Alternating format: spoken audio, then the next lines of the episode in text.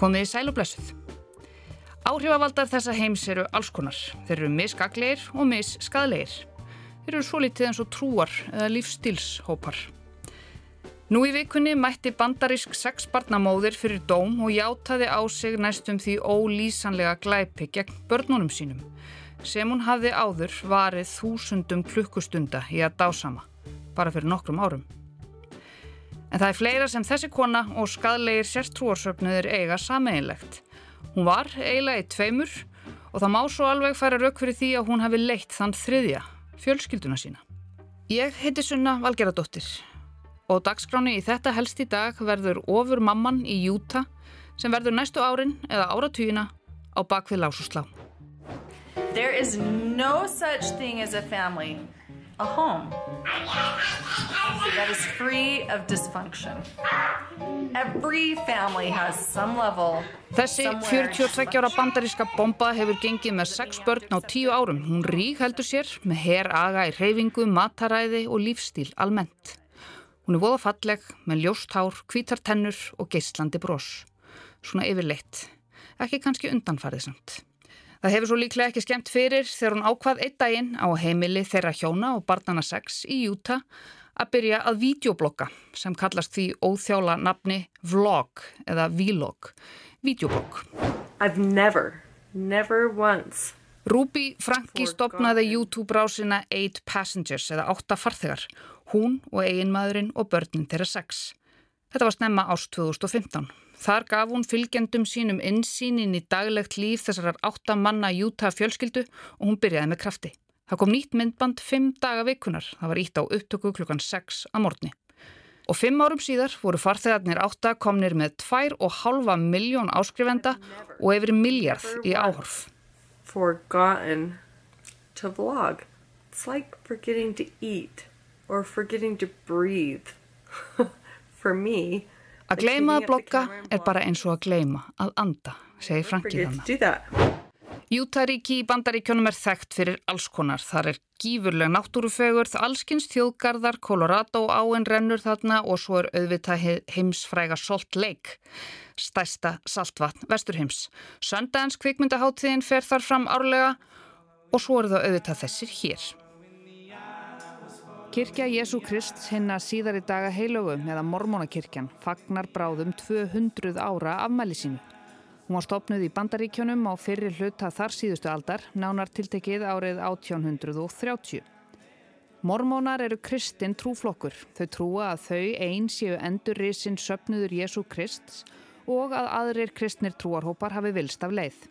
Ætli þetta sé reyndar ekki eitt af því sem flest kristinn trúfélag eiga sameinlegt að þau séu þau útvöldu, þau einu réttu og hinn séu að miskilja. En hvað um það? Mormónar trúa því að við eigum eilíft líf, bæði fyrir og eftir veru okkar hér á jörð og á það að stjórna öllum okkar verkum. Lífið er þrískipt, samkvæmt söpnuði kirkju Jésu Krist sinna síðar í daga heilögu. Það er þá fyrir fæðingu, þá eru við skilgrend sem andleg börn, svo er þið eiginlega jarðlíf, það er reynslutíminn og við tekur svo eilíft líf með Guði og konu hans hinni himnesku móður á himnum ef við högum okkur sóma samlega þar að segja. Sapnaðarmeðlimir setja fjölskylduna í fyrsta seti. Þar að segja að fjölskyldan er mikilvæg, hún er mjög mikilvæg. Fóstureyðingar eru bannaðar, samkynneið líka, kynlíf, utan hjónaband, klám og allt þar fram eftir göttunum. Það er bannað að stunda fjárhættuspil, nota nikotín, áfengi, te, kaffi eða önnur fíknefni, lögleg eða ólögleg. Og þó að þessi vissulega starfræktur mormónasöfnuður á Íslandi sem telur 154 félaga þá þekkjum við mormónana líklega flest á þessu. Hello, my name is Elder Price and I would like to share with you the most amazing... Þetta er lítið brot úr heimskviðu þætti sem fór í loftið fyrir um það byrja einu og hálfu ári síðan og er hlustendum bent á hann ef vilji er til þess að fræðast meira um mormónana, kirkju Jésu Krists hinna síðar í daga heilugu. Í þættinum er rætt við Bjarnar Randver Sigurvinsson, trúarbræðafræðing. Grundvallaratrið í trúfræði mormóna er það að tilgangur okkar hér á jörðu sé sá að ná sama marki og himneskur fadur okkar náði á sínum tíma að ná fullkomnun og verða guð. Og það er líka farið yfir nokkur að þeim miður geðslegu sakamálum sem þá voru helst í deglunni í tengslum við mormónana og öll snýrust þau um gróft ofbeldi og kúun eins leðtoga gegn sapnaðarmeðlumum, svona eins og gengur að gerist í skadlegum sértrúasöfnuðum. En stóri söfnuður eins og mormónakirkjan geta líka leitt af sér minni ánga. Minni söfnuði byggða upp á svipaðan hátt með einn alvald eða leðtoga og svo fylgjendur. Þeir þurfa ekkert endilega að hljóma svona. Make sure this is the heavenly gift you're reaching for and exercising through oneness. You have to be converted to think of God and your husband, that's me, in every thought, desire, Þeir geta líka hljómað svona. I just felt this the spirit tell me everything's going to work out okay. And I and then I had the thought you need to share this too on your video. You need to Maðurinn sem við heyrðum í er Warren Jeffs, einn allremdasti sértrúasapnaða leðtögi mormóna reglunar og minst 60 barna fadir. Upptökuna gerðan á meðan að var að stunda kynlíf eða nöðga þremur af 79 eiginkonum sínum. Hann situr nú í fangilsi. Og konan sem við heyrðum í er Ruby Franki. Hún átti reyndar bara einn eigin mann og sex börn en ekki 60 en hún situr líka í fangilsi eins og Jeffs. Og eins og Jeffs er hún sapnaðar meðlemur kirkju Jésu Krist hinn að síðari daga heilugu. Jeffs var að vísu hluti af enn rótækari armi mormónakirkjunar bókstafsreglunni en það er svo sem ekki stóra málið hér. Þetta er stóra málið hér. Ms. Frankie is now here. Ms. Frankie, how do you plead to count one, aggravated child abuse, a second degree felony? Guilty. To count three, aggravated child abuse, a second degree felony? Guilty. To count five, aggravated child abuse, a second degree felony? Guilty. And to count six, Þetta er Franki aggravated fyrir child dómi í abuse, a Utah second núna á degree felony. þriðjudag. Hún játaði sér seka í fjórum af sex ákærulegðum og hlýtur að öllum líkindum þungan dóm. Alltaf 60 ára fangelsi. Hún hefur setið í varðhaldi síðan í ágúst þegar hún var handtekinn á samt viðskiptafélaga sínum Jody Hilderbrandt. Sakarefnið, ofbeldi, pyntingar og almennt mjög íll meðferð á börnum Franki. En það eru liðin meira en 20 ár síðan Ruby Griffiths og Kevin Franki eignuðust sitt fyrsta barn, það var 2003. En það gerðu að sjálfsögðu ekki áður en þau giftu sig sem þau gerðu sama ár. Bæði voruðu meðlemið í kirkju Jésu Krists hinn að síðari daga heilugu, mormónakirkjunni, og þau eignuðust saman sex börn. Og eftir þessi sex börn og 12 ára hjónaband var komin tími á að reyna á mátt internetsins. Sexbarnamóðurinn og eiginkonan Ruby Franki gerðist YouTube áhrifavaldur, influencer mom eða momfluencer eins og hún er kallið. free of dysfunction. Every family has some level, somewhere dysfunction. Franki gaf áhorfendum sínum allskins heilræði varðandi barnauppeldi, ummönnun, góð fjölskylduminstur, trú, mataræði, lífstíl og svo framvegis. Tvær og hálf miljón gerðust áskrifendur og markvallt fleiri fylgdust með. En það leið ekki á löngu þar til flöggin sem voru fyrstum sinn bara bleik og kannski pínlítur rauðin á milli urðu einfallega eldrauð og flöggunum fjölgaði hratt. Áhyggjur meðal áhorfenda hennar fóru vaksandi. Eitt dæmið var þegar Íf, yngsta dótturinn þá 6 ára, hafði glemt að taka með sér nesti í skólan. Kennarinn hafði samband við mömmu sem gaf lítið fyrir áhyggjurnar og deildi því með áhörundum sínum að krakkinn þyrti þá bara vera svangur. Og kommentararnir, eins og við flest vitum, geta verið bæði orðljótir og miskunarlausir þegar þeim mislíkar eitthvað og þeir létu skoðanir sínar í ljós. Og gaggrinni, eins og svo oft er með fólk sem tekur sér svona stöðu, fór ekki vel í okkar konu. Online who hate me, who would like to cancel me, who would like to see me um, og flögginn tók að hrannast upp. Tilkynningar með sjaldgæfum sannunargögnum eins og opinböru myndefni bárust til barnavendar yfirvalda. Og í kringum 2020 hafðu börnin greint frá því í þessum myndböndum að hafa verið látin sofa á baunapúðum í meirinn hálft ár, bannað að fara inn í Svefnherbergi, sendi í eyðimerkurbúðir, svelt og almennt beitt grófu harðræði, ofbeldi. 20.000 manns settu nafn sitt á undirskriftarlista þar sem þess var krafist að yfirvöld tækju Rúbi Franki til rannsóknar.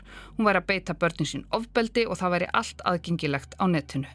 Bein harðari verða sannanirnar víst varla. Þannig að, jú, barnavendar yfirvöld fóru í heimsókn á heimili Franki fjölskyldunars, þau skoðuðu sig um, þau töluðu við börnin og þau sögðu farið sínar bara nokkuð sléttar og máli dött. En þetta fór eðlilega, heldur ekki vel í ofur mömmuna Rúbi Franki. Hún var sífelt bitrari gagvart áhorundum sínum í myndböndunum, hún furðaði sig á gaglininni og brást hinn versta við. Hún virðist á þessum tíma smám saman hafa glimt að draga andan því að færslunum fækkaði og farþjónum átta var svo lokað.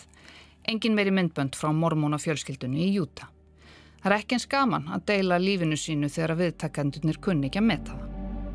En Rúbi Franki var ekki af baki dottin, hún fó bara að vinna sem þerapisti í staðin, ásand vinkonu sinni og systur í trúni, Mark þjálfanum Jódi Hildebrand. Welcome to Connections. I'm Jody Hildebrand. So glad you're with us. Connections Classroom er svona batteri sem þú getur borgað þig inn á til þess að verða betri manneskja. Og þær stöllur tókuðu höndum saman og miðluðu reynslu sinni til þeirra sem þurftu á að halda. Anytime you think I want, fill in the blank, I don't care what it is, that is not love. Mm -hmm. Love is a, is a gift that you offer En það stopnuðu líka einrás, Moms of Truth, sannleiksmömmunar. The only way to generate love is you use your agency to choose principles of truth. Og svo framvegis. Þetta held áfram í einhver tíma, þetta var ekki eins vinsælt og farþegarnir átta, en þetta var að minnst okkosti leið fyrir Franki til þess að breyða út sinn mikilvæga boðskap. En í ágúst í fyrra kom annað og heldur alvarlegra babb í bátinn hjá móður sannleikans. Nágranni hennar hafi ringt í laurugluna. Exactly what's happened. I just had a 12-year-old boy show up here at my front door asking for help. This kid has obviously been... I think he's been... Yngsli svonurinn, Russell, þá 12 ára, hafi náð að flýja heimili sitt og leita til þessa nágrana eftir hjálp.